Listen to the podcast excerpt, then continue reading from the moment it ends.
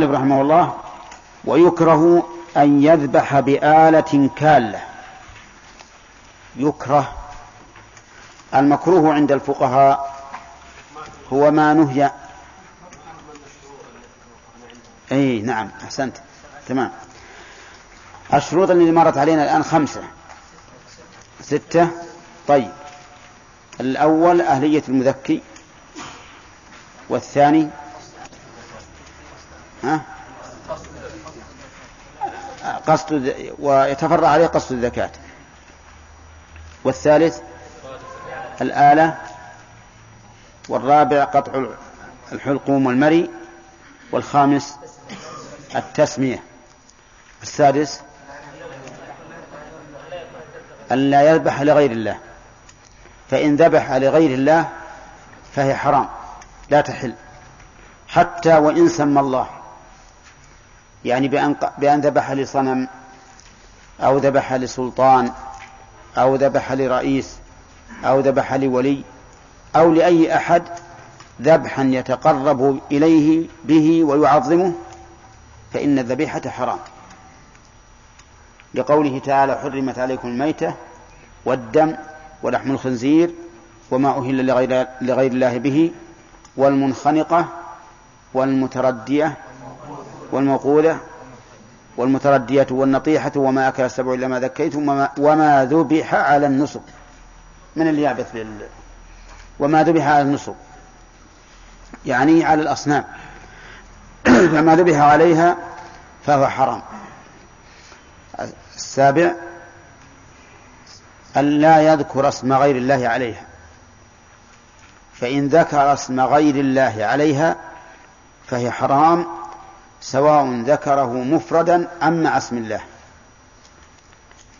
لقوله تعالى وما أهل لغير الله به. أهل الإهلال أصله رفع الصوت.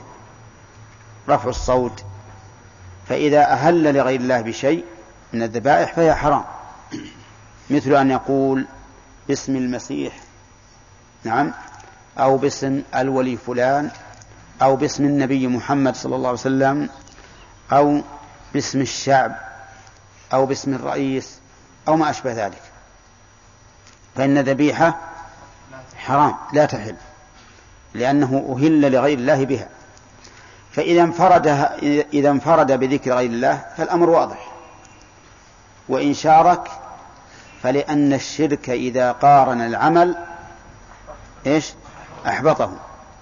لئن أشركت ليحبطن عملك. ولا تكون من الخاسرين. وعلى هذا فإذا ذبحت الذبيحة على اسم غير الله منفردا أو مشاركا فإنها حرام لا تحل. هذه سبعة ولا ثمانية؟ سبعة. الثامن أن يكون أن يكون الذبح مأذونا فيه. يكون مأذونا فيه شرعا. فإن كان غير مأذون فيه فلا يخلو من حالين. إما أن يكون غير مأذون فيه لحق الله وإما أن يكون غير مأذون فيه لحق غير الله. فالأول الذي لا يؤذن فيه لحق الله كالصيد في حال الإحرام أو الصيد في الحرم. فإذا ذبح المحرم صيدا فهو حرام. وإن تمت الشروط لأنه لم يؤذن فيه شرعا. ولقول النبي عليه الصلاة والسلام صيد البدر لكم حلال ما لم تصيدوه أو يصد لكم. بل لقوله تعالى وحرم عليكم صيد البر ما دمتم حرما.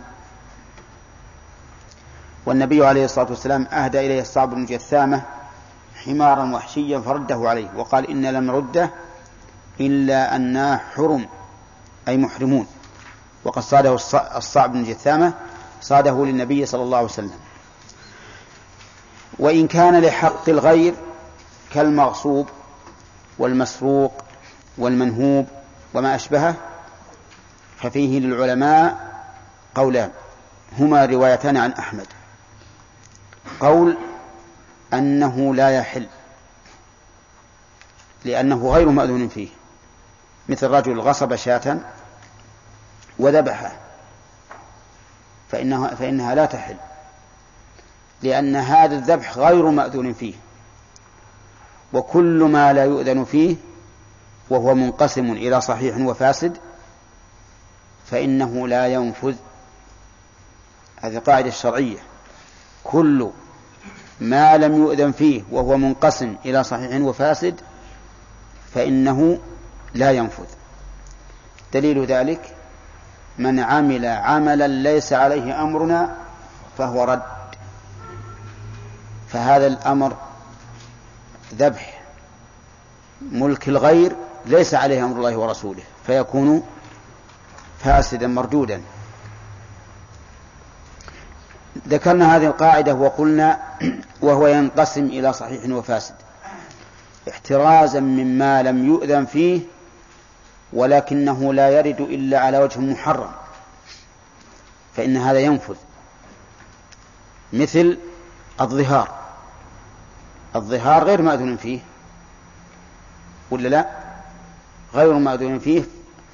فينفذ وإن كان محرما وقولا وزورا. ومنكرا وزورا لأنه لا ينقسم إلى صحيح وفاسد فكله كله باطل. نعم. إذا نقول هذه إذا كان محرما لحق غير الله مثل إيش؟ المغصوب والمسروق والمنهوب وما أشبه ذلك. ففي حله روايتان عن أحمد وهما قولان لأهل العلم. القول الأول أنها لا تحل لأن هذا الفعل ليس عليه أمر الله ورسوله وما لم يكن عليه أمر الله ورسوله وهو منقسم إلى صحيح وفاسد فإنه لا ينفذ لحديث عائشة من عمل عملا ليس عليه أمرنا فهو رد. والقول الثاني أنه يحل أي المحرم لحق الغير أنه يحل وذلك بأن هذا الذبح صادر من أهله. وهذا الحيوان ليس محترما لعينه ولا محرما لعينه لكنه لحق آدمي. فالتحريم والحرمة فيه لغيره لا له بخلاف الصيد في الإحرام والصيد في الحرم فإنه محرم لذاته ولذلك حرم. حرم آه، صيده وحرم أكله. واضح؟ وهذا الأخير هو المذهب. يقولون إنه حلال لكن مع الإثم. طيب إذا كان حلالا هل معناه أنه يحل أكله ولا ما يحل؟ لا يحل أكله بمعنى إن, إن هذا الذي غصبه يحل يأكله ما يحل. لا من أجل أنه حرام من حيث الذبح ولكن لأنه مال الغير. ولهذا لو غصب لحما مذبوحا ذبحه صاحبه. لو غصبه حرم أكله ولا لا؟ حرم أكله. إذا لو أذن فيه صاحبه صار حلالا. نعم صار حلالا. طيب هذه ثمانية شروط لل... للزكاة. لا ثمانية.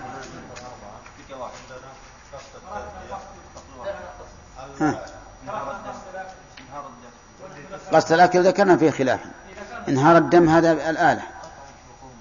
ذكرناه. ثمانية شروط. هذا واحد. وأن لا, يذكر اسم غير الله عليه. اثنين. نعم. هذا الأخير. الشرط الأخير يكون ماذن فيه. ها؟ القول الراجح الحل. القول الراجح الحل لكن مع الإثم. طيب. ثم قال المؤلف رحمه الله ويكره أن يذبح بآلة كالة. أصل الكلل بمعنى التعب. الكلل بمعنى التعب.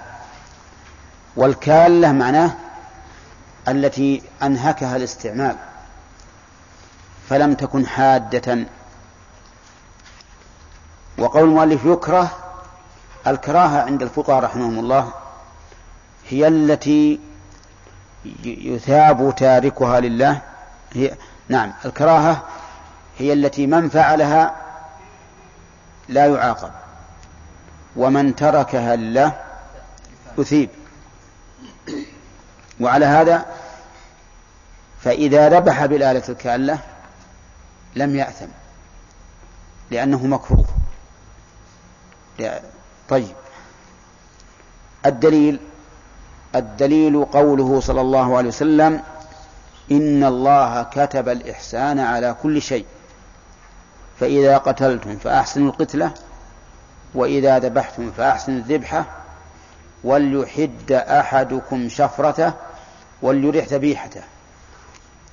نعم. الدليل مرة ثانية إن الله كتب الإحسان على كل شيء. فإذا قتلتم فأحسنوا القتلة وإذا ذبحتم فأحسنوا الذبحة وليحد أحدكم شفرته وليرح ذبيحته. هذا الدليل. ولكننا إذا رجعنا إلى الدليل وجدنا أن ظاهره يقتضي تحريم الذبح بآلة كالة من وجهين. الوجه الأول أن الله قال إن أن الرسول صلى الله عليه وسلم قال إن الله كتب الإحسان. كتب والكتب معنى الفرض لأنه يقال على الأمر الواقع اللازم إما شرعا وإما قدرا. ما يأتي الكتب في الشيء المستحب. ما يأتي إلا في الشيء اللازم. اللازم وقوعه قدرا أو اللازم إيقاعه شرعا. فمثل قوله تعالى ولقد كتبنا في الزبور من بعد الذكر أن الأرض يرثها عباد الصالحون هذه كتابة قدرية. كتب الله لأغلبن قدرية. ولقد كتبنا نعم. وكتبنا على بني إسرائيل وكتبنا على بني إسرائيل في كتاب لا تفسدن في الأرض مرتين. كتابة قدرية. ها؟ وقضينا إيه طيب. إذا لا نستدل بها. أما الكتابة الشرعية فمثل كتب عليكم الصيام إن الصلاة كانت على المؤمنين كتابا موقوتا وكتبنا عليهم فيها أن النفس بالنفس كتب عليكم القصاص في القتلى وأمثال ذلك. كتب الله الإحسان على كل شيء. إذا رجعنا إلى الاصطلاح الشرعي وجدنا الكتابة لا تكون إلا في الشيء اللازم. نعم. وقولك كتب الإحسان على كل شيء عام ونص على شيء من أفراده يتعلق بما نحن فيه. فقال إذا قتلتم فأحسنوا القتل وإذا ذبحتم فأحسنوا الذبحة ثم قال في الآلة وليحد أحدكم شفرته. اللام هنا للأمر. والأصل في الأمر الوجوب. وإذا وجب إحداد الشفرة صار الذبح بالكالة يا حسين. وش؟ الذبح قال نعم. إذا وجب إحدادها فالذبح بالكالة حرام. وعلى هذا فالقول الراجع في هذه المسألة أن الذبح في الآلة الكالة حرام. فإن قلت كيف تحرم ذلك؟ وقد قال النبي عليه الصلاة والسلام ما أنهر الدم وذكر اسم الله عليه فكل. ما أنهر الدم. وهذه الكالة تنهر الدم. قلنا الفعل حرام والذبيحة حلال. نحن لا نقول إنها إن الذبيحة تحرم به. لكن يحرم هذا الفعل. أما الذبيحة فقد أنهر الدم. ولهذا لو لم يكن عنده إلا هذه الآلة فأصيبت شاة بموت. يذبح بها ولا لا؟ نعم يذبح. لأن هذا ضرورة. لا يتوصل إلى حل الذبيحة هذه إلا بهذه الآلة. إلا بهذه الآلة. و فإن قلت لماذا لا يدع الحرام؟ لماذا لا يدعو الحرام وتتلف عليه. قلنا لأن المفسدة تركها أعظم من مفسدة تألمها يسيرا بهذه الآلة الكالة. وتأليم الحيوان لمصلحة الإنسان وارد في الشرع. فهذا الرجل يكوي إبله يسمها وغنمه يسمها أيضا. مع أنها تتألم بهذا لكن لمصلحته خوفا من ضياعها أو اشتباهها بماشية غيره مثلا. وهذا الرجل يهدي الإبل أو البقر فيشعرها والإشعار هو أن ها؟ ينهر الدم يجرحها في سنامها حتى يسيل الدم ليعرف أنها هدي. مع أن في هذا إيلاما لها لكن للمصلحة الشرعية في ذلك. المهم أن القول الراجح تحريم الذبح بالآلة الكالة. ولكن لو ذبح بها فالذبيحة حلال لعموم قوله صلى الله عليه وسلم ما أنهر الدم وذكر اسم الله عليه فكل ثانيا قال وأن وأن يحدها والحيوان يبصره. إيه؟, إيه نعم. يحدها. يحدها بالفتح ها؟ أو يحدها. يحدها يمكن قلت. طيب على كل حال يحدها. نعم. لو أنكم شاهدتم علي ما يخالف. وأن يحدها والحيوان يبصره. يحد إيش؟ الآلة والحيوان يبصره. جملة والحيوان يبصره هذه جملة حالية. يعني والحال أنه يبصره. نعم. لماذا؟ ل... نعم. لسببين. نحن ما ذكرنا في الواقع ذكرنا الدليل السمعي في المسألة الأولى ولم نذكر الدليل النظري الذبح بالآلة الكالة. الدليل النظري أن في ذلك إيلاما لها بدون بدون فائدة أو بدون حاجة في مسألة الذبح بالآلة الكالة هذا أن يحدها والحيوان يبصره لأن النبي صلى الله عليه وسلم أمر أن تحد الشفار وأن توارى عن البهائم. أمر بأمرين حد الشفرة وش معنى حدها؟ سنها يسنها حتى تكون حديدة سريعة. وأن توارى عن البهائم مو بحال حدها حال حدها وفي غير هذه الحال أيضا. حتى إذا أتيت لتذبحها لا تجيب السكين معك وتشوف وارها عنها إلا عند الذبح كما نص على ذلك الإمام أحمد رحمه الله. وهذا ظاهر الحديث. وأن توارى يعني ها؟ الشفرة عن البهائم. لأنها هي تعرف هي تعرف تعرف ربها سبحانه وتعالى وتسبح بحمده وتعرف الموت. ولهذا تهرب. حتى أن يوجد في بعض الإبل إذا رأت بعيرا مذبوحة هربت ولا يستطيع أن يمسكونها لأنها تعرف. فإذا أتيت بالسكين ولا سيما إن حدثتها أمامها معناه أنك روعتها. وقد رأى النبي صلى الله عليه وسلم رجلا أضجع شاة وهو يحد الشفرة. فقال له النبي عليه الصلاة والسلام أتريد أن تموت أن تميتها موتات؟ يعني معناه أن هذا يزعجها ويروعها ترويعا عظيما حتى يكون كالموت عندها تضجعه وتحدى السكين فوقه والعياذ بالله هذا ما في رحمة. إذا يكره أن يحدها والحيوان, والحيوان يبصره لماذا؟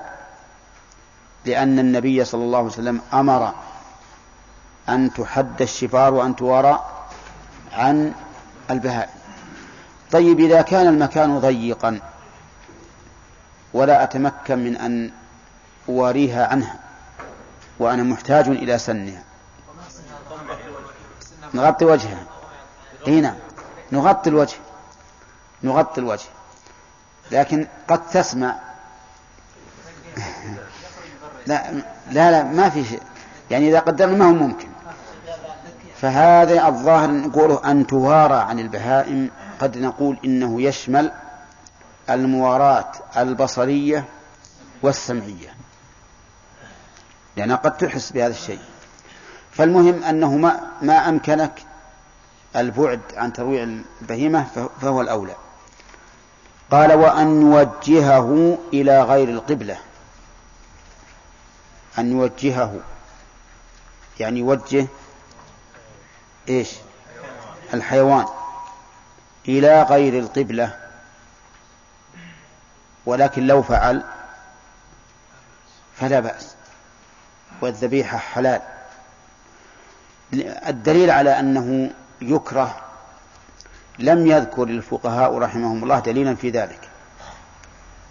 وغاية ما فيه ما ذكر عن النبي عليه الصلاة والسلام أنه حين وجه أضحيته قال بسم الله والله أكبر. حين وجهها يعني وجهها إلى القبلة.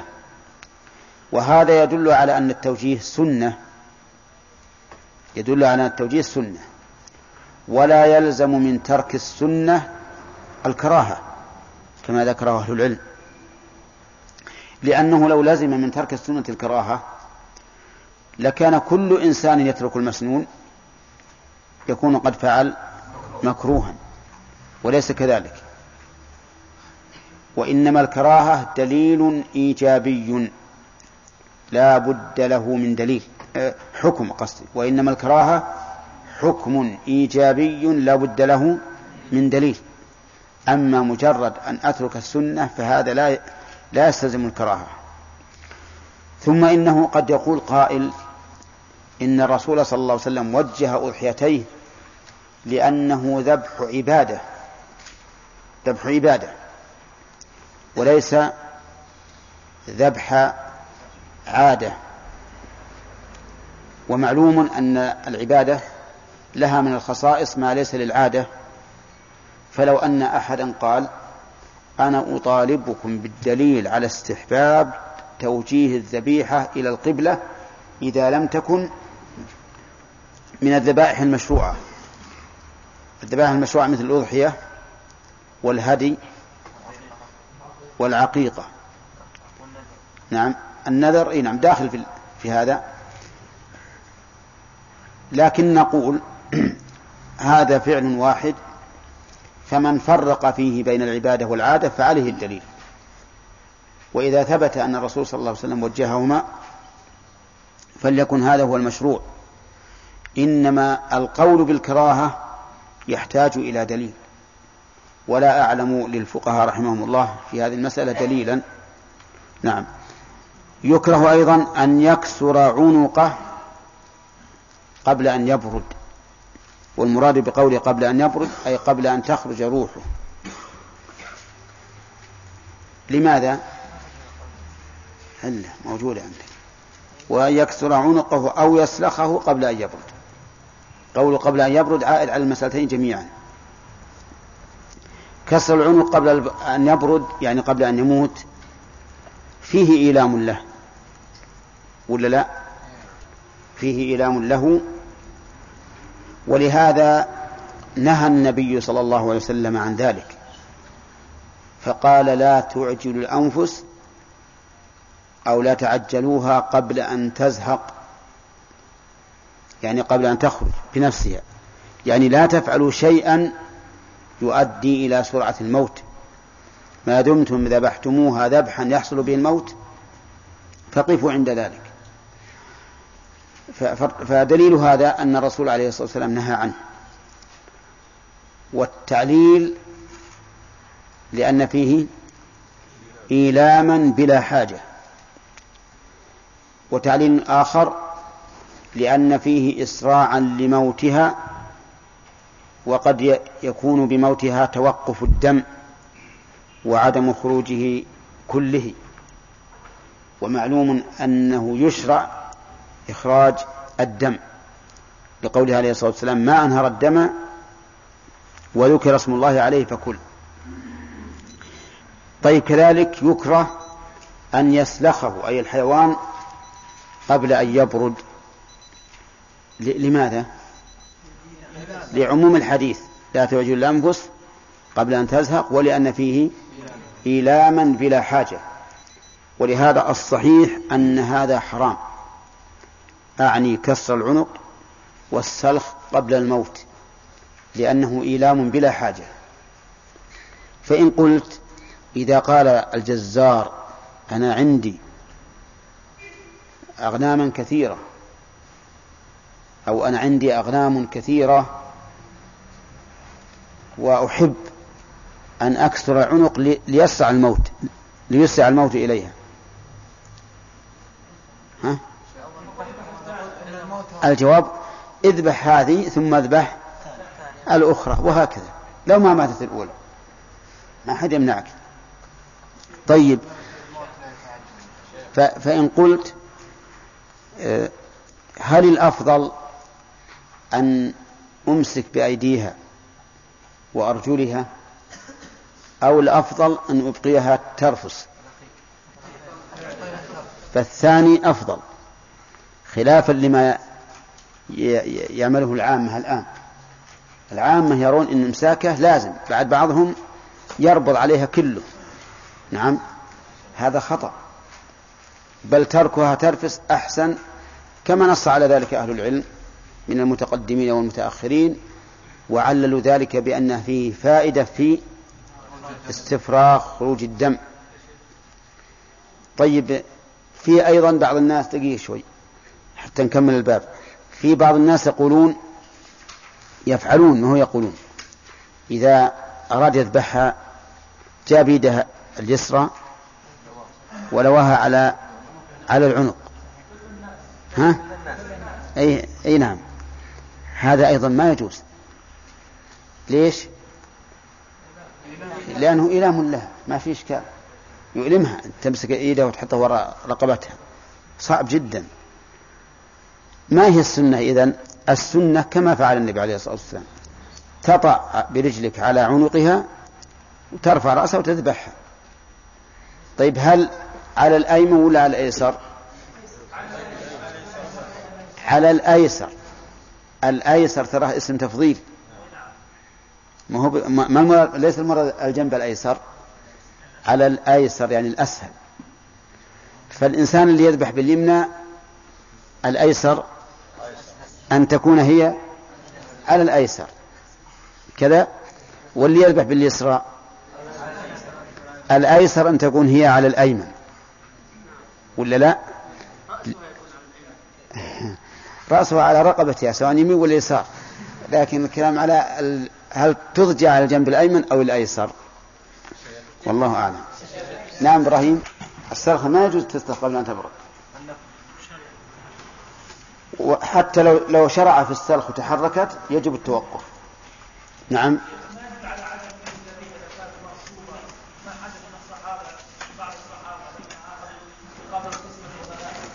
إيش؟ نعم. هذه ربما استدل بها من قال إنها لا تحل. وقد يكون هذا صحيحا وقد يكون هذا من باب التعزير. من باب التعزير على هذا الشيء. أظن غانم بعد. طيب مثلا الجزار اللي يذبح غنم كثيرة. إي نعم. ترى ولا يفهم تذبح. هذا ما يصير مثل ما قلنا لا إي. أو المسلك هم قالوا أيضا إن إنه يكره انه يذبحها والأخرى تنظر.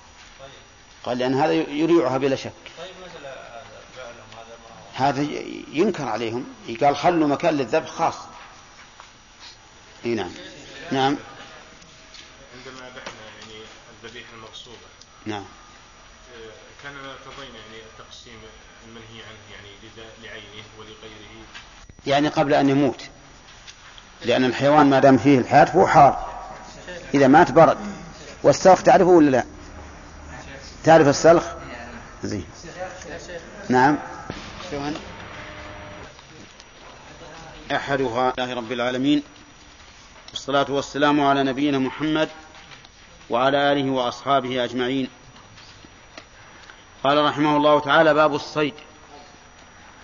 الصيد مصدر يراد به الفعل ويريد به ويراد به المفعول. فيراد به الفعل مثل أن يقول القائل إنني سأصيد صيدا مثل أكيد كيدا على أنه فعل. ويراد به المفعول كقوله تعالى أحل لكم صيد البحر وطعامه أي مصيده. فأما على الأول فالصيد يعرف بأنه اقتناص حيوان مأكول متوحش. اقتناص حيوان مأكول متوحش. فقولنا اقتناص لا تعبث. خرج به الذكاة فإنها ليست اقتناصا لأن الإنسان يذكي الحيوان وهو مطمئن وعلى سهولة ويسر. وقولنا حيوان مأكول احترازا من من غير المأكول فإن الإنسان وإن صاده بالسلاح ليس بصيد شرعا. وقولنا متوحش احترازا من غير المتوحش إلا أنه سبق لنا أن ما ند من الأهلي فحكمه حكم الصيد حكم متوحش. وهل الصيد حلال أو حرام. نقول الصيد يقع على ثلاثة أوجه. تارة يصطاد للحاجة إلى إليه والأكل. فهذا لا شك في جوازه. وهو مما أحله الله عز وجل في كتابه وثبتت به السنة عن النبي صلى الله عليه وسلم وأجمع عليه المسلمون. والثاني أن يصطاد على سبيل اللهو والعبث. ولا ليس بحاجة إلى الأكل ولا يهمه. إذا صاد الصيد وسقط تركه ليس بحاجة إليه فهذا مكروه. ولو قيل بتحريمه لكان له وجه لأنه عبث وإضاعة مال وإضاعة وقت. والقسم الثالث أو الوجه الثالث أن يصطاد على سبيل يؤذي الناس. مثل أن يستلزم لصيده الدخول في مزارع الناس وإيذاؤهم وربما يكون فيه انتهاك لحرماتهم أي للتطلع إلى نسائهم في أماكنهم. فهذا يكون حراما لما يستلزمه من الأذية للمسلمين. هذا بالنسبة للصيد من حيث هو صيد. أما آثار الصيد فإن الصيد يبهج النفس ويسرها ويعطي الإنسان نشاطا وحيوية لا يعرفها إلا أهل الصيد. فتجدهم يجدون من اللذة والسرور وإن كانوا يتعبون ويطاردون الطيور والصيود ويخرجون إليها في الليالي القارسة والأيام الحارة لكن هم يجدون في هذا لذة ومتعة. كذلك أيضا في الصيد مصلحة تعلم الرمي. وتعلم الرمي من الأمور المشروعة. قال الله تعالى وأعدوا لهم ما استطعتم من قوة. قال النبي صلى الله عليه وسلم ألا إن القوة الرمي؟ ألا إن القوة الرمي؟ وقال النبي عليه الصلاة والسلام أرموا واركبوا وأن ترموا أحب إلي من أن تركبوا. إذا ففي مصلحة وهي تعلم الرمي. وتعلم الرمي أمر مشروع. فصار الآن الصيد من حيث هو الصيد يكون على ثلاثة أوجه عبث وللحاجة والأكل ومع أذية الناس. فالعبث ها مكروه ولو قيل بالتحريم لكان له وجه. وما كان للحاجة ها فمباح. وما كان يستلزم أذية المسلمين ورياس مزارعهم ومضايقتهم فهذا حرام. المؤلف رحمه الله في هذا الباب لا يريد أن يتكلم على هذه الناحية لكن يريد أن يتكلم على شرط حل الصيد. متى متى يحل الصيد إذا صاده الإنسان؟ يقول المؤلف لا يحل الصيد المقتول في الاصطياد إلا بأربعة شروط. أحدها أن يكون الصائد من أهل الذكاة فمن الذي يكون من أهل الذكاة يا خليل؟ نعم. من أهل الذكاة من هي الزكاة؟ نعم. المسلم. طيب هذا المسلم أو مسلما عاقلا المسلم العاقل أو أو الكتابي. أو الكتاب أي أو ها؟ المسلم العاقل أو الكتابي. أو هات. زد. أو المراهق. أو البالغ أو المرأة. نعم. أو البالغ. طيب أنت قلت أو المراهق جيب قبيله. أو البالغ. أو الذي تم له ثلاثون سنة.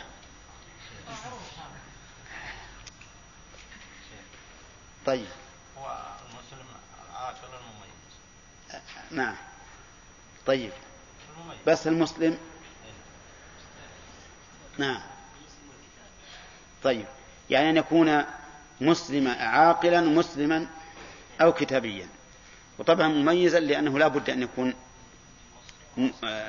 قاصدا. إذا هو المميز العاقل المسلم أو الكتابي. كذا؟ هذا من أهل الزكاة. فصيد غير الكتابي من الكفار لا يحل. كذا؟ كما لا يحل ذبحه. صيد غير العاقل لو أن مجنونا يعبث بآلة آلة السلاح. فثارت هذه الآلة وقتل صيدا. نعم لا يحل. يتفرع على هذا أن يكون قاصدا. فلو أن رجلا يرمي على هدف من خرق أو عمود أو ما أشبه ذلك فإذا بصيد يمر فقتله يحل ولا لا؟ لا يحل لعدم القصد لأنه ما قصد. نعم. لكن لو سمى على صيد فأصاب غيره. حل لأنه قصد الصيد.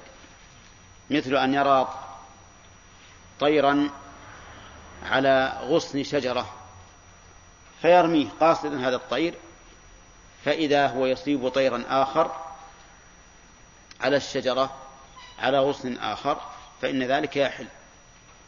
ولهذا لو أنه رمى على فرق من الطير وأصاب عشرة جميعا. تحل هذه العشرة ولا لا؟ تحل. نعم لأنه قصد الصيد. الشرط الثاني الآلة. يعني لا بد أن يكون الصيد بآلة الآلة نوعان هنا. فباب الصيد آلته أوسع من باب الذبح. أوسع لأن آلة الصيد هنا نوعان. بينما هي في في الذ- في الذبح نوع واحد فقط. الآلة قال وهي نوعان محدد يشترط فيه ما يشترط في آلة الذبح. يعني النوع الأول آلة محددة كالسهم والرصاصة وكذلك الصتم. هذا كل محدد يشترط فيه ما يشترط في آلة الذبح. وسبق أن آلة الذبح يشترط فيها أن تكون غير سن ولا ظفر.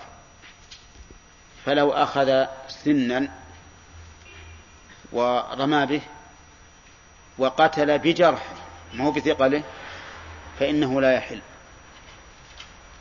لعموم قول النبي صلى الله عليه وسلم ما أنهر الدم وذكر اسم الله عليه فكل إلا السن والظفر. وقال إن السن عظم والظفر مدى الحبشة. فعلى هذا يشترط أن لا يكون أن لا تكون الآلة سنا ولا ظفرا. طيب يشترط أن تكون حلالا؟ فلو جعل سهما من الذهب ها؟ حل. وكذلك لو غصب سهما ورمى به حل. على ما سبق لأن هذه الآلة جارحة. قال ويشترط أيضا أن يجرح. أن يجرح الصيد. يعني بحيث يكون قتله للصيد بالجرح. وضد ذلك أن يكون بالثقل. فإذا كان بالثقل فسيأتي إن شاء الله أنه لا يحل. يشترط أن يجرح. ما هو الدليل؟ الدليل ما سبق. ما أنهر الدم وذكر اسم الله عليه فكل فإنه شامل. إلا أنه يختلف عن الذبح أن الذبح هناك يشترط قطع الحلقوم والمري أو الورجين على حسب الخلاف السابق أما هنا فيكون ها؟ في أي موضع. هذا الفرق. وهذا مما يتوسع مما يوسع فيه في باب الصيد على باب الذبائح أن محل إنهار الدم هناك الرقبة. أما هذا فليس بمعين. أي مكان. فإن قتله بثقله لم يبح يعني الذي ضرب الصيد ما هو جارح ما يجرح. لكن ثقيل. ثقيل فمن أجل ثقله مات الصيد. فإن الصيد لا يحل لأنه لا بد من الجرح. ويدل لذلك أيضا حديث علي بن حاتم رضي الله عنه أنه سأل النبي صلى الله عليه وسلم عن الصيد بالمعراض بالمعراض يعني شيء مثل العصا. فقال النبي عليه الصلاة والسلام إن خزق فكل وإن أصاب بعرضه فلا تأكل. خزق يعني نفذ وجرح وشق فكل وإن أصاب بعرضه فلا تأكل. وعلى هذا فإذا كان مع الإنسان عصا له رأس مدبب فحذفه على الصيد. فأصاب الصيد بهذا المحدد حل. وإن أصابه بالعرض لم يحل. ولو مات؟ نعم ولو مات. لكن لو أنه حبسه ثم أدركه وفيه حياة يعني حبسه لما ضربه بعرضه انحبس انكسر مثلا أو انهارت قواه حتى أدركه حيا فذبحه فإنه يكون حلالا. الدليل قوله تعالى حرمت عليكم الميتة والدم ولحم الخنزير وما أهل لغير الله به والمنخنقة والموقوذة والمتردية والنطيحة وما أكل السبع إلا ما ذكيتم. فاستثنى المذكر. فإذا أدركته وفي حياة فإنه يحل. لكن ما علامة الحياة؟ علامة الحياة أنني إذا ذبحته تحرك. هذا قول. إنه لا بد من الحركة. وقيل علامة الحياة أن يجري منه الدم الأحمر الحار. ما هو بالحار اللي يغلي؟ لكن الذي ليس ببارد. فإذا سال منه الدم الأحمر الحار وإن لم يتحرك فهو حي فيحل.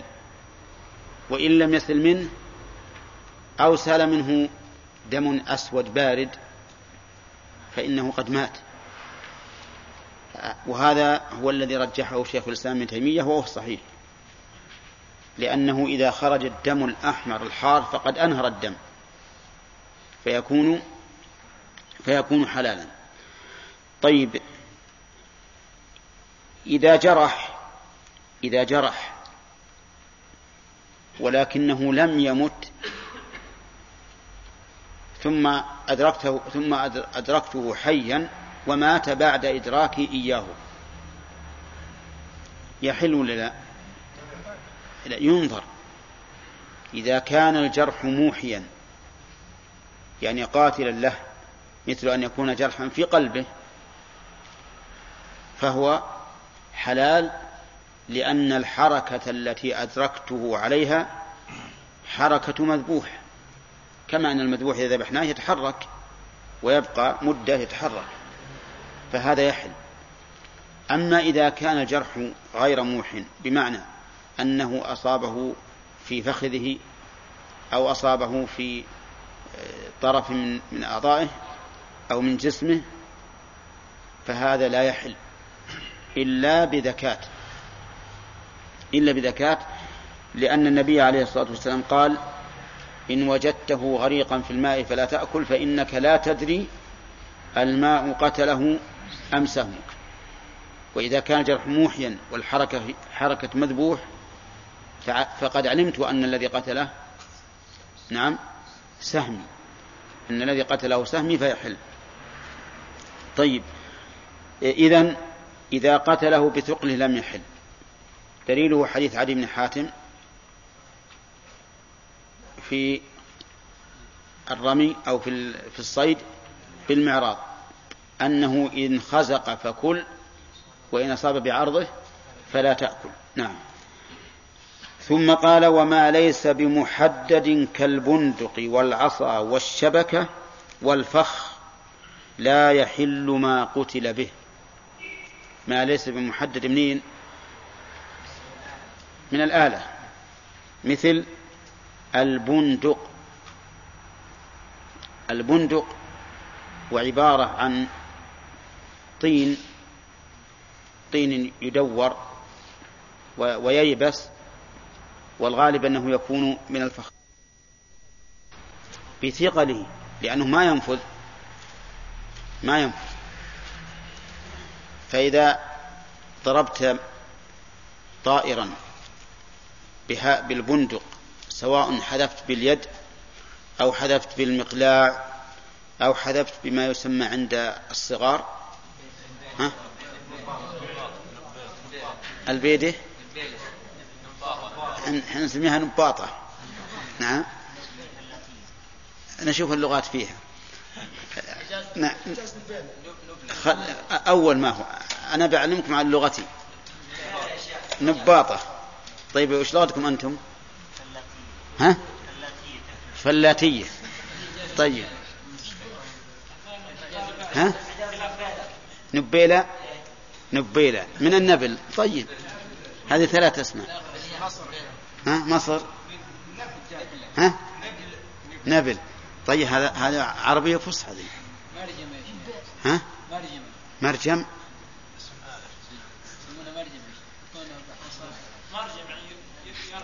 إيه. طيب. على كل حال هي عبارة عن عن سلكين من المطاط يوضع أعلاهما في خشبة مثل المحجن والطرف الطرفان الآخران يوضع فيهما قطعة من الجلد قطعة من الجلد تسمى بالقبة. هذه القبة تجعل فيها الحصاة ثم ياخذ الإنسان يمغطه كذا بالمطاط ويطلقها. تضرب الصيد. نعم. ويصطاد فيها الناس كثير يعني. أنا أذكر واحد كان زميل لنا في يوم الجمعة ما لنا دراسة نروح نطلع للسوق ناخذ عصافير يعني في في صباح الجمعة يمكن يقتل عشرين ثلاثين واحد. لأنه ما شاء الله إذا قدر على على على العصفور خلاص عدوا بالأرض. طيب إذا هذه هي البندق في الواقع. والرسول عليه الصلاة والسلام نهى عنها. وقال إنها لا تنكأ عدوا وإنما ولا تصيد صيدا وإنما تفقأ العين وتكسر السن. يعني ما يستفاد منها. العدو لا تنكأه لا تدفعه والصيد ما تصيد لأن لأن ما, ما يحل الصيد بها. لو لو صدت ما يحل.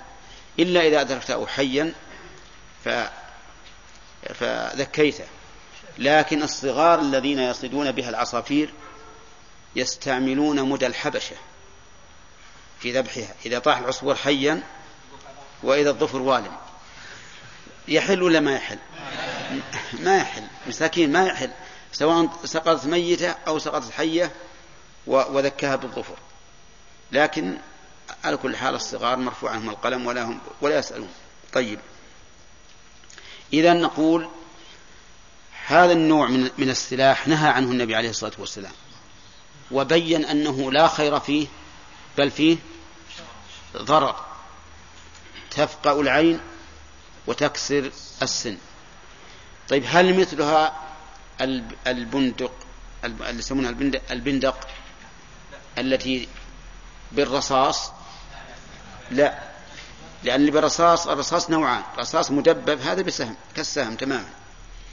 ورصاص غير مدبب لكنه لا يقتل بثقله وإنما يقتل بنفوذه فيكون جارحا.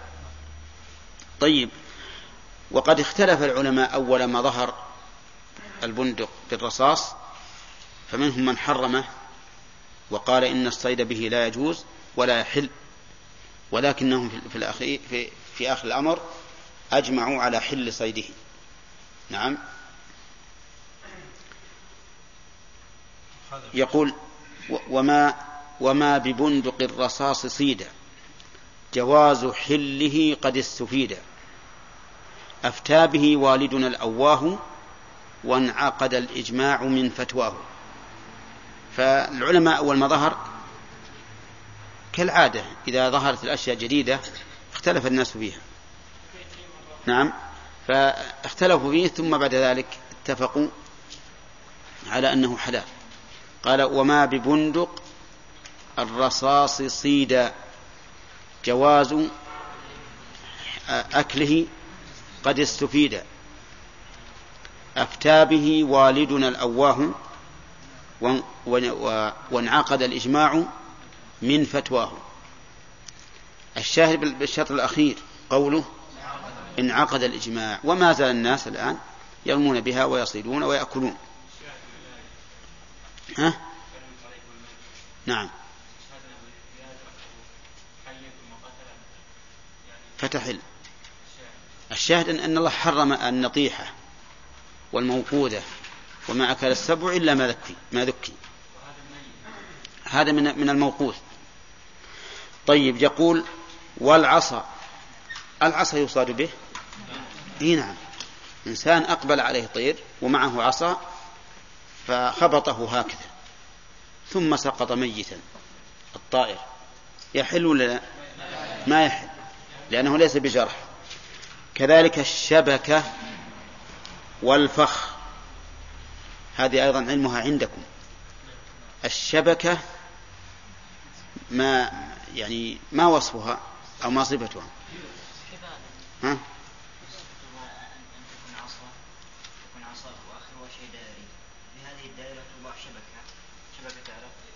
يعني خيوط؟ يعني الطرف الطرف يفتح كذا مقلاع. لا لا ما هذا. هذا المقلاع الظاهر من جنس البنتق شيء من الخيوط شيء من الخيوط اي يعني فتحات مربعات نعم. كبير يعني إذا طرحها الصياد يعني تفرش المكان.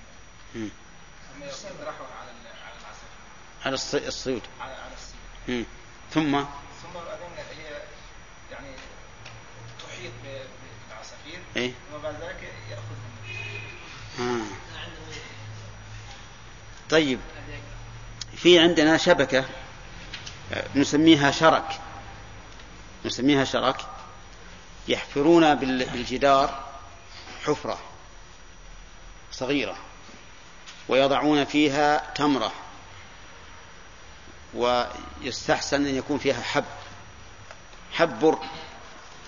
ثم يضعون على فم الحفرة هذه الفتح يضعون عليها خيطا آه، يكون تكة. آه تكاك. طيب. طيب. يمكن ان شاء الله نصف لكم إذا وجدنا حبل وصفناه. ها؟ هذا اذا إذا جاء العصفور دخل رأسه يبي ياكل من التمرة وجاي بيطير أمسكه الحبل هذا التكاك ويعني واشتد على رقبته. ثم يتعلق برقبته العصفور. أحيانا يدركه الإنسان قبل أن يموت فيأخذه. ويذبحه. أحيانا يموت قبل أن يدركه الإنسان فإذا مات لا يحل لا يحل لأنه خنق لأنه خنق خنقا. طيب. أما الفخ فالفخ عبارة حسب ما أعرف عبارة عن آه، قنو قنو نخلة يكون مقوسا هكذا ويوضع فيه في طرفيه حبل وهذا الحبل يعني يبرم يبرم يكون في طرف الحبل عود في وسط الحبل عود يلزمه القوس هذا يلزمه القوس هكذا يكون فيه. نعم. فإذا ثم يحصر القوس على الأرض ويوضع عليه هذا العود يصير عبارة عن أي شيء يحركه يطبق عليه. ها؟ يسمى حبيلة. ها؟ أي. لا إحنا نعرفه بهذا بهذا. يا يمكن هذا مسألة المادة هذا حديد ولا خشب هذا شيء ما يهم. المهم قال كذا. ويضغط وهذا يفرش. أي. لا وطى عليه. أي هذا هذا يسمى عندنا شداخة. ها؟ طيب. المهم اللي نعرف الفخ هو هذا بلغتنا نحن. طبعا المدرس يشرح على لغته وكل واحد منكم يشرح على لغته ما علينا. الفخ هو هذا. هذا إذا أصاب الصيد سيموت بغير جرح. فلا يحل. فلا يحل. لا يحل. لا يحل ما قتل به. يكون خنقا نعم.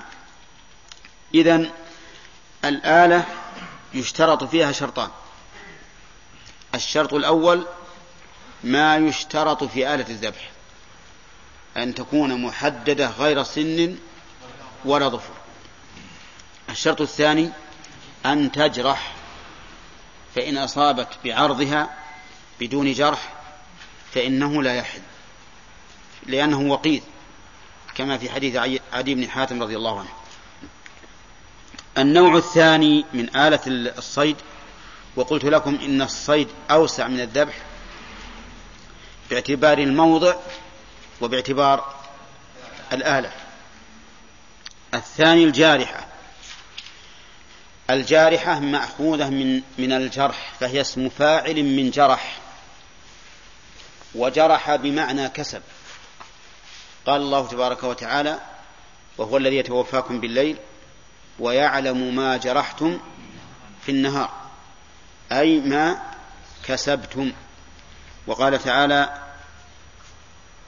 أحل لكم اليوم أحل لكم طيبات وطعام الذين أوتوا الكتاب حل لكم وطعامكم حل لهم.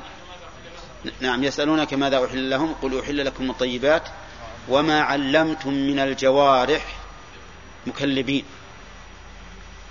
ما علمتم من الجوارح الجوارح من الكواسب فالجارحة هي الكاسبة.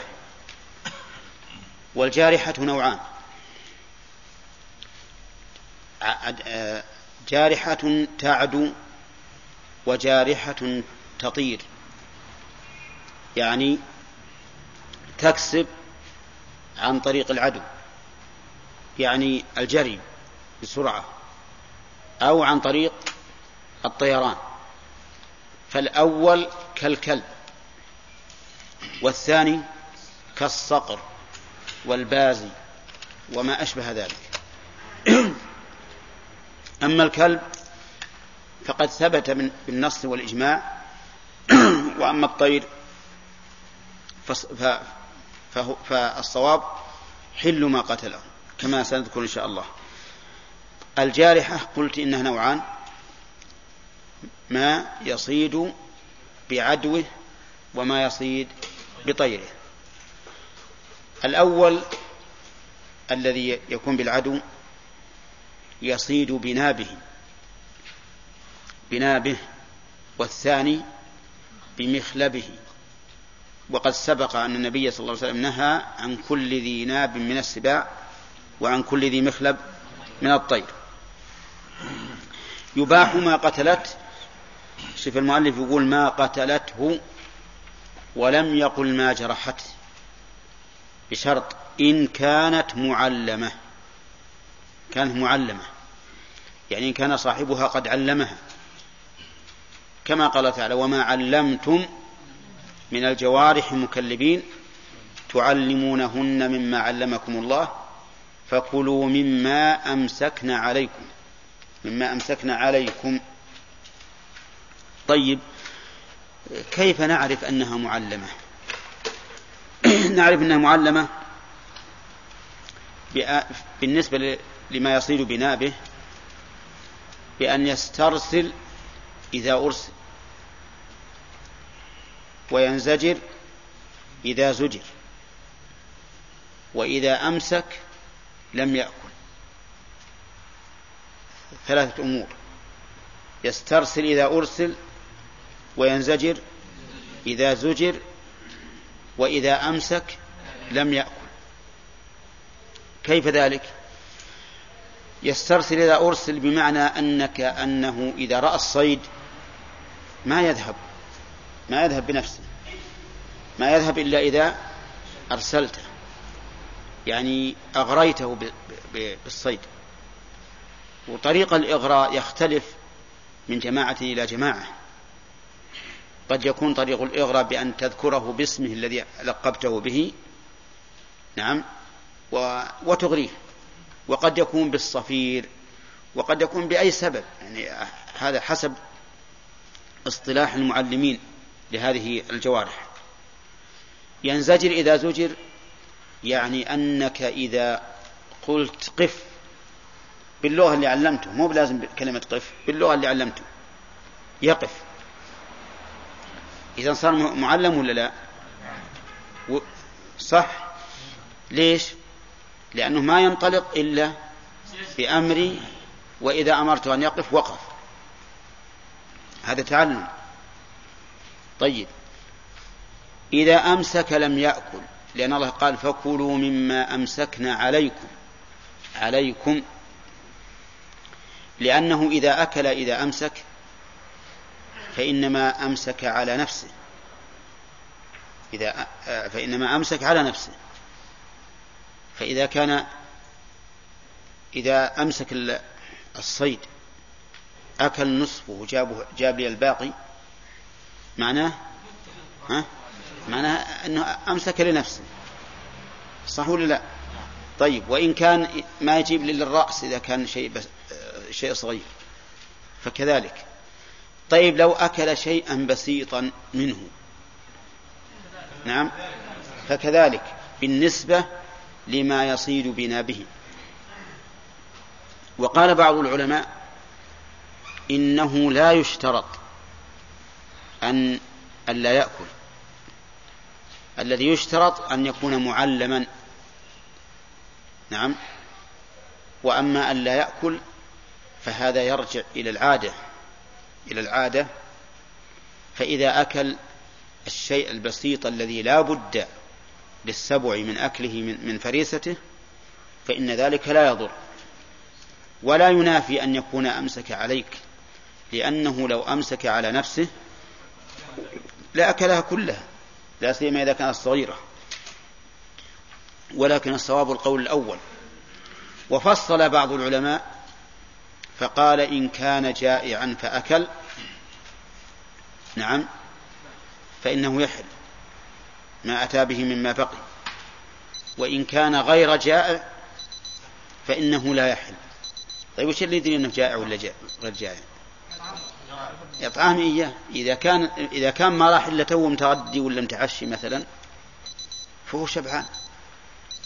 لكن إذا صار له ليلتين ما ذاق شيء وصاد هذا الصيد وأكل منه فإن هذا لا يسلم منه شيء من الجوارح أن يأكل.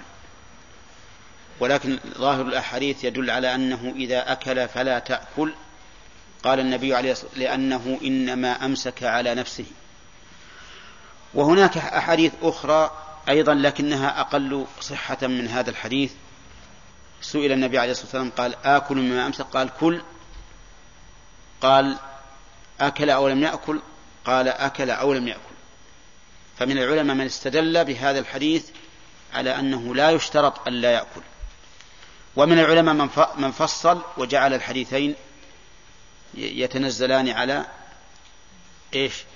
على حالين.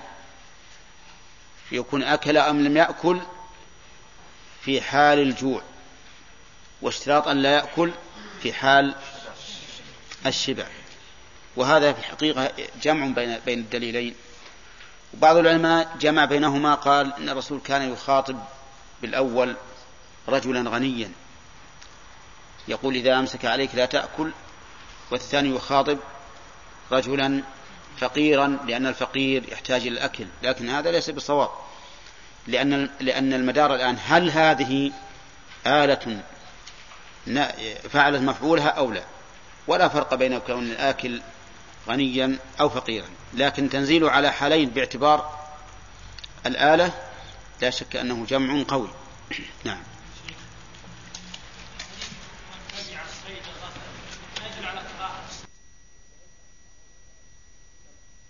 عرف المفعول.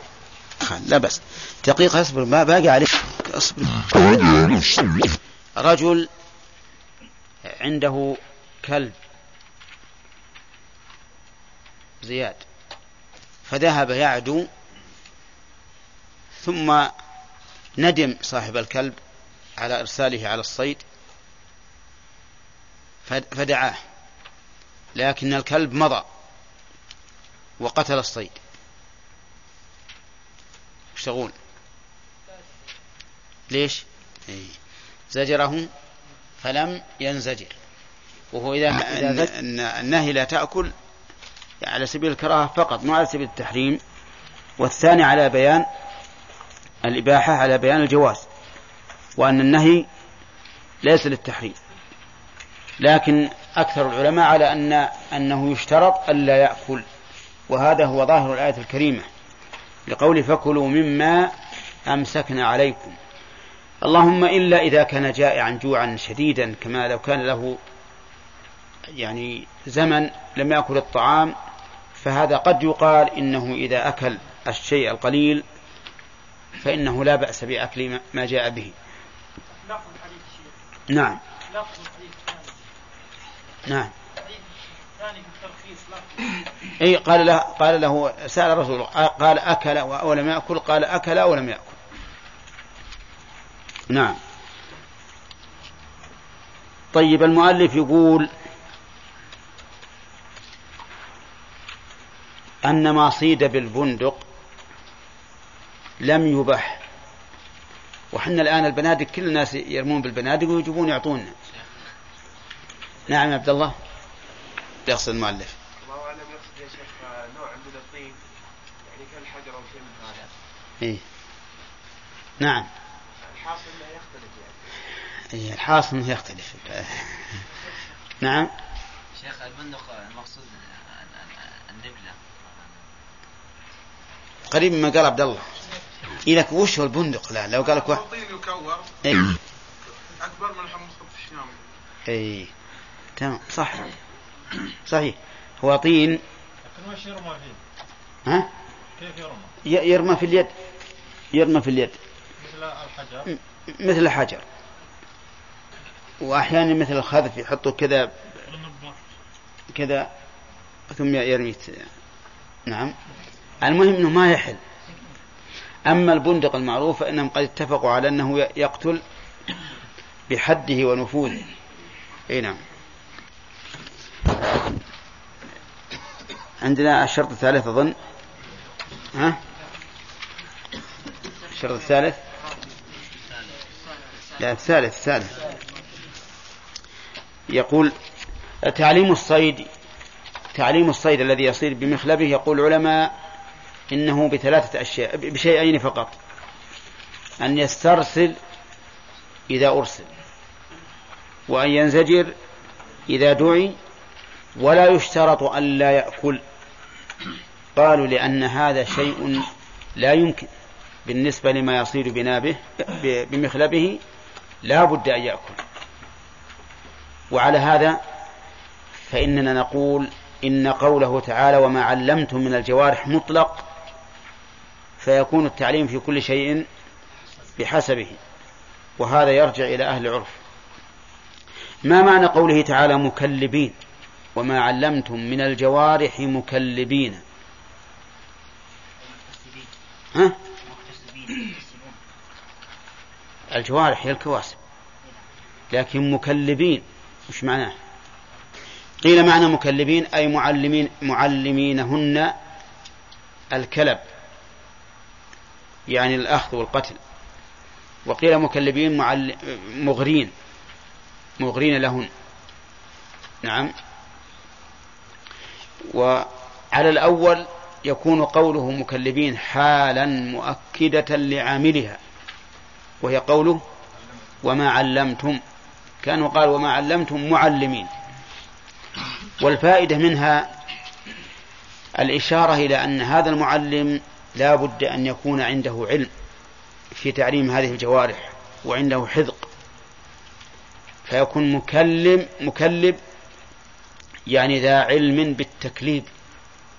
نعم. طيب نمشي. يقول المؤلف رحمه الله الثالث إرسال الآلة قاصدا. إرسال الآلة أي آلة؟ الآلة بنوعيها. سواء كانت بالمحدد كالسهم أو بالمعلم كالكلب والصقر. وقوله إرسال الآلة من باب إضافة المصدر إلى مفعوله إلى مفعوله يعني أن يرسل الصائد الآلة. قاصدا هذه حال حال من الفاعل المحذوف. الفاعل المحذوف فاعل أي شيء أين عامله؟ إرسال مصدر. وهنا نقول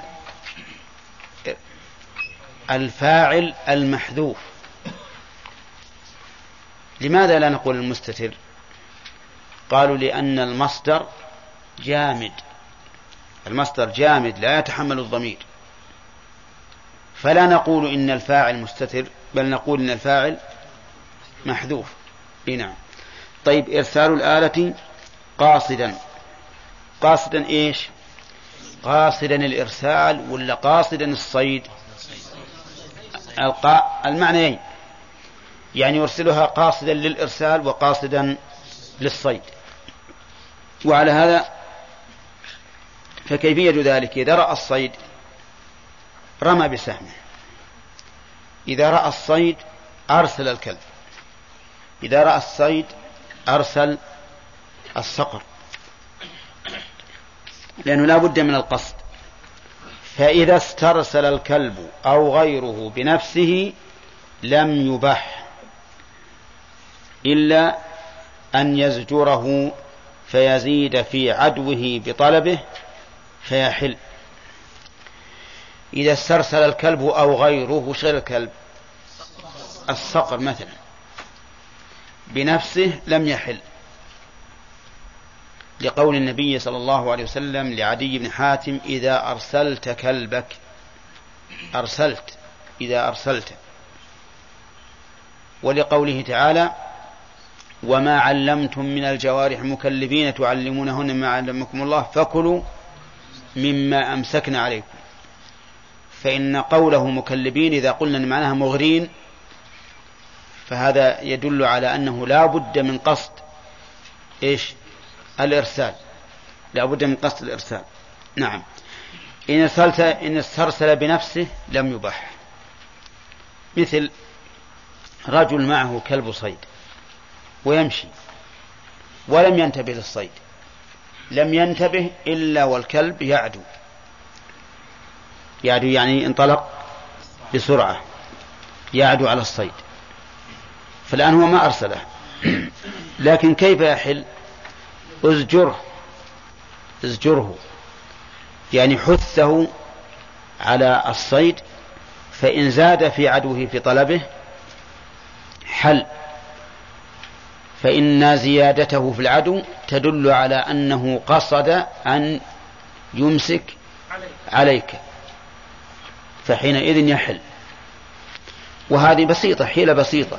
أنا إذا إذا رأيت الكلب انطلق لصيد أغريه زيادة وأزجره فإذا ازداد عدوه وجاء بالصيد حل.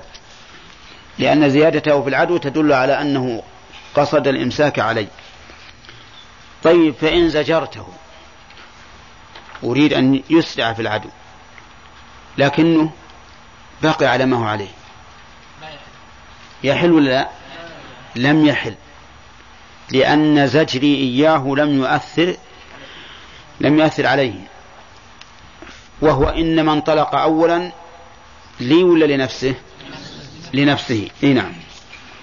طيب لو قال قائل لو قال قائل قد يكون هذا الكلب بكثرة تعليمه أنه إذا رأى الصيد أمر بالانطلاق عليه قد يكون قد تعود هذا. وأنه إنما ذهب بالنيابة عن صاحبه. نعم. هذا ممكن ولا غير ممكن؟ ها؟ أي ممكن. ممكن لكن نقول ويمكن أيضا أنه إنما أراد أن يأخذ لنفسه.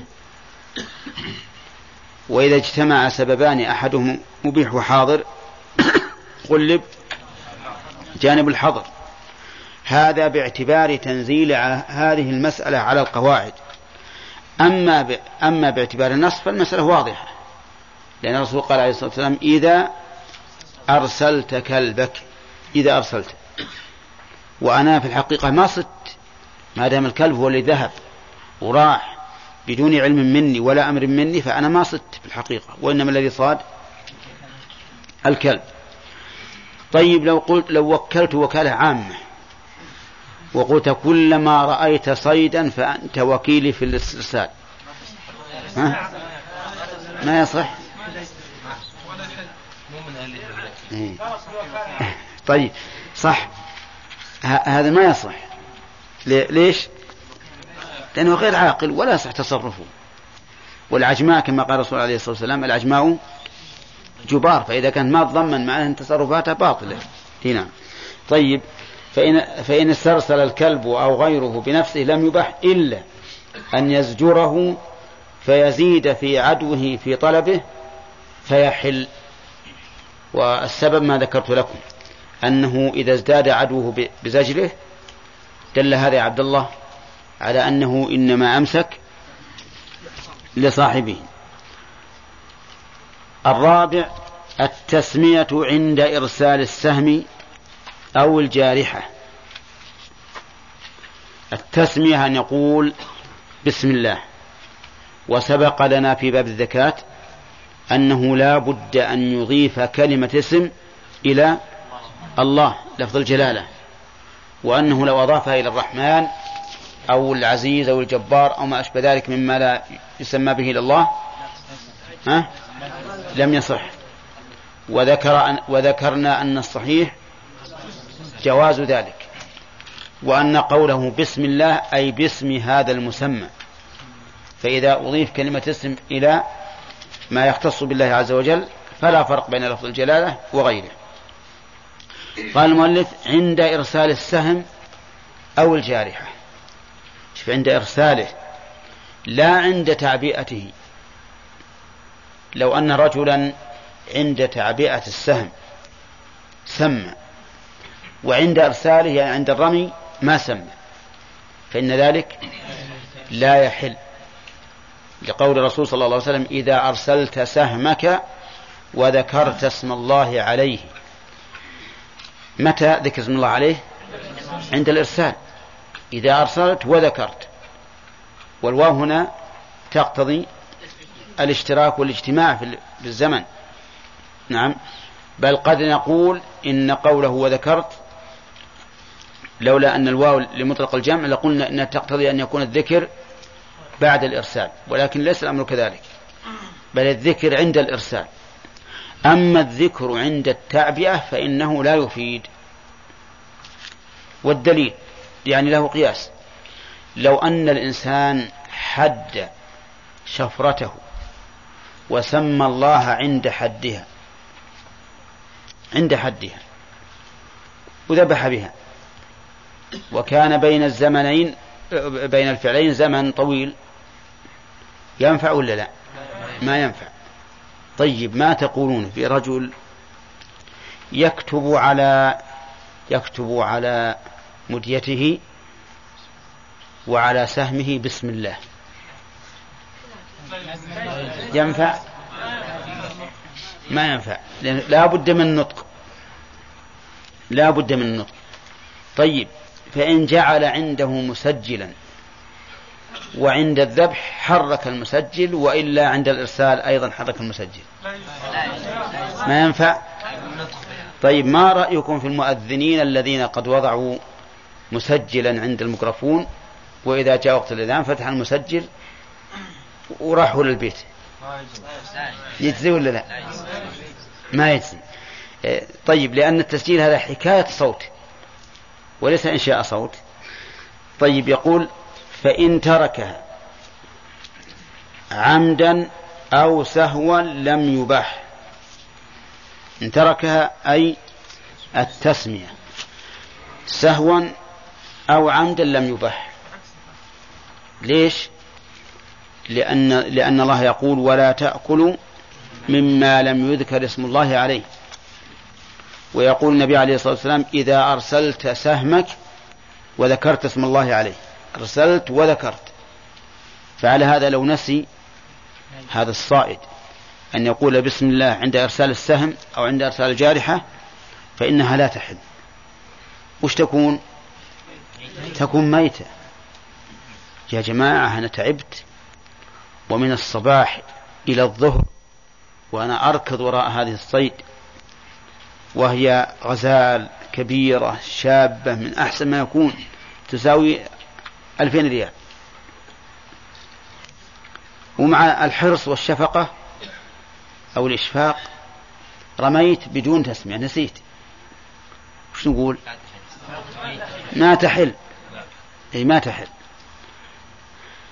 وقد مر علينا أن أنه أي المؤلف رحمه الله في باب الزكاة قال إن متروك التسمية سهوا يحل والحقيقة أنه لا فرق بين البابين كما سبق. فإن اشتراط التسمية موجود في الزكاة كما هو موجود في الصيد ما أنهر الدم وذكر اسم الله عليه. وأيضا فإن الصيد قد يكون الصائد أعذر من الذابح بنسيان التسمية. لماذا؟ لماذا يا بدر؟ قد يكون الصائد أعذر من الذابح بنسيان التسمية الرجل هذا عند عندما يرى الصيد لاحظ أنه عندما يرى الصيد يعني ينفعل ويجد في نفسه الشفقة عظيمة وإشفاق أن يفوته هذا الصيد فتجده يأخذ البندق بسرعة ولا يسرق الصيد بسرعة يذهل يغفل فهو إلى النسيان أقرب من الذابح الذي يأتي بهدوء ويضجع الذبيحة نعم أو يعقلها إن كانت بعيرا ويذبح. هذا يأتي بهدوء ويبعد الإنسان في حقه لكن هذا هو الذي يأتي بسرعة وإشفاق ويكثر النسان في حقه ومع ذلك المؤلف رحمه الله لم يعذره والحقيقة أن أنه مصيب في عدم عذره لأن الآية عامة ولا تأكلوا مما لم يذكر اسم الله عليه. ولأن الرسول قال إذا أرسلت سهمك وذكرت اسم الله عليه فكل. إذا أرسلت وذكرت. فكما أن الجارحة إذا استرسلت بنفسها لا يحل الصيد فكذلك إذا لم تسمي. طيب. ها؟ هم استدلوا بحديث أبي ثعلب الخشني وعلي بن حاتم. إذا أرسلت وذكرت ولا فرق. طيب يقول ويسن أن يقول معها الله أكبر. كالذكاة. يسن ولا يجب؟ نعم يسن. والواجب التسمية. أما التكبير فسنة. دليل ذلك أنه ثبت من حديث أنس بن مالك رضي الله عنه في الصحيح أن النبي صلى الله عليه وسلم لما أراد أن يذبح أضحيته سمى وكبر. سمى وكبر. ولكن هل يقول اللهم تقبل مني؟ ها؟ ليش؟ لأن هذا ليس ذبح عبادة. نعم ما يقول اللهم تقبل مني.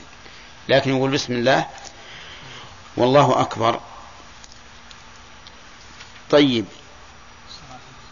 لو لو صلى على النبي عليه الصلاة والسلام في هذا المكان قال العلماء إنه ليس بسنة لأنه غير مناسب كالذكاة هذه أيضا شروط الصيد صارت شروط أربعة أن يكون الصائد من الذكاة والثاني الآلة الثالث إرسال الآلة قاصدا والرابع التسمية. هذه الشروط. هل نشترط هنا ما اشترطنا هناك؟ ألا يسمي ألا يسمي غير اسم الله ألا يذكر اسم غير الله؟ نعم. يشترط. إذا أضفها خمسة. هل يشترط أن لا يهل لغير الله به؟ نعم. إذا ستة. أن لا يهل قصدي أن لا, أن لا يذبحه لغير الله. أن لا يصيد لغير الله. يعني لو أنه صاد تعظيما لملك أو رئيس أو وزير أو ما أشبه ذلك. فما يحل. ليش. لأنه لغير الله. طيب. لو قال قائل لو قال قائل الصعب بن جثامة ذهب واصطاد الحمار الوحشي لرسول الله صلى الله عليه وسلم. ها؟ نقول هذا تكريما للرسول عليه الصلاة والسلام وليس من باب التعظيم له. أي التقرب إليه بالتعظيم. وش بقي علينا من أي ذكرناه. نعم. ها؟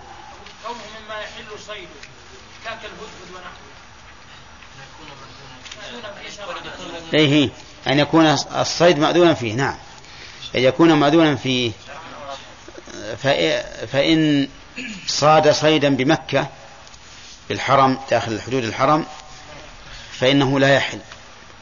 أو صاده وهو محرم فإنه لا يحل. طيب ويشترط أن يكون غير مملوك للغير؟ ها؟ ما يشترط لكن حرام. على الخلاف اللي سبق. وعليه فلو أن رجلا ذهب يتتبع في البلد حمام عباد الله نعم ويرميهن يحل ولا ما يحل؟ نعم. يحل مع الإثم. يحل من حيث الحكم العام. لكن حرام عليه. حرام عليه ذلك. إلا على القول الثاني في المسألة في مسألة الذبح. فهو يجري هنا. ثم قال المؤلف رحمه الله كتاب ما جاء وقت الأسئلة يا جماعة؟ أبدا. كتاب الأيمان. الأيمان جمع يمين. الأيمان جمع يمين. وهو القسم. والقسم تأكيد الشيء بذكر معظم على صفة مخصوصة. هذا القسم. تأكيد الشيء بذكر معظم على صفة مخصوصة. ووجه كونه تأكيدا كأن ك... الله مشكلة. كأن الحالف يقول إنه بقدر تعظيمي لهذا المحلوف به أؤكد عليك أو أؤكد لك هذا الشيء. خلاص؟ ما تقولون في هذا؟ ما حكم الصيد بالكلب الأسود؟ البهيم. نحن ذكرنا في الشروط. ما ذكرنا الشراط أن يكون غير أسود ولهذا اختلف العلماء في هذه المسألة. فمنهم من قال لا يحل لأن الكلب الأسود شيطان. ومنهم من قال يحل لعموم قوله تعالى وما علمتم من الجوارح مكلبين. وما علمتم من الجوارح مكلبين. وقالوا أيضا فرق بأن الأسود لا يحل اقتناؤه. وإذا كان لا يحل اقتناؤه فلا ينبغي أن يرخص لصاحبه بأكل صيده. وهذا هو الأقرب. نعم. ما يحل هذا. إيش تقولون في هذا؟ ها؟ ما يحل الظاهر لا لا ولو أطلق. لأنه ما صاده. ها؟ هو من دفاع الكلب اي نعم. لا ما يصح. نعم لو صدمه صدما لو صدمه صدما ثم أمسكه وجاء به ميتا فهذا يحل ولو خنق كيف خنق؟ خنق قبل الكلب اي يعني هل يشترط أن يجرح ولا لا؟ اي نعم. الصحيح أنه لا ليس بشرط. وأنه إذا خنقه يحل. نعم. ها؟ لا ذكرت التعي... الدليل والتعليل. طيب من يذكر التعليل؟ ها؟ إن غاب يوم إن غاب عنك يوما من الدهر ولم تجد فيه إلا أثر سهمك فكل إن شئت. ها؟ ما ذكرته؟ الآن نقولها. إذا كنت ما ذكرته فأنا ناسي. لا إذا لم إذا تغير فهو يكره كراهة من جهة تغيره لا من جهة أنه حلال حرام. طيب إذا نقول إذا غاب وجدت ميتا ولم أجد إلا أثر سهمي فهو إيش؟ فهو حلال. لماذا؟ الدليل واضح. إحالة للحكم على السبب الظاهر. كذا ولا لا؟ والأصل عدم وجود سبب آخر يموت به. هذا الأصل. الأصل عدم وجود سبب آخر يموت به. قد يقول قائل لعله مات من العطش لعله مات من الجوع. نقول الحمد لله ما دام الرسول يقول إن غاب عنك ولم تجد فيه إلا أثر يوما من الدهر ولم تجد فيه أثر إلا أثر سامك فكل. إن شئت. فهذه من نعمة الله عز وجل. طيب. الحديث عام. الحديث عام ولعل هذا من التيسير لأنه حتى لو كانت غير مميتة ومات بها ولو ولو أبطأت فهو لأن ما عنده أحد يذكيه. تكون هذا من باب الترخيص. ها؟ الحديث يقول عليه الصلاة والسلام إن غاب عنك يوما من الدهر ولم تجد فيه إلا أثر سهمك فكل إن شئت. طيب هذا. يقول الصيد في الوقت الذي تمنع الحكومة من الاصطياد فيه هل يحل؟ أو لا يحل. الظاهر الظاهر إنه ينبني على الخلاف نعم. ينبني على الخلاف. لكن هل يحل أن يصيد؟ ما هو بل يحل الصيد؟ ولا ما يحل أن يصيد؟ لا يحل. لا يحل لأن لأنه يجب علينا طاعة ولي الأمر إلا في المعصية. إلا في المعصية. نعم.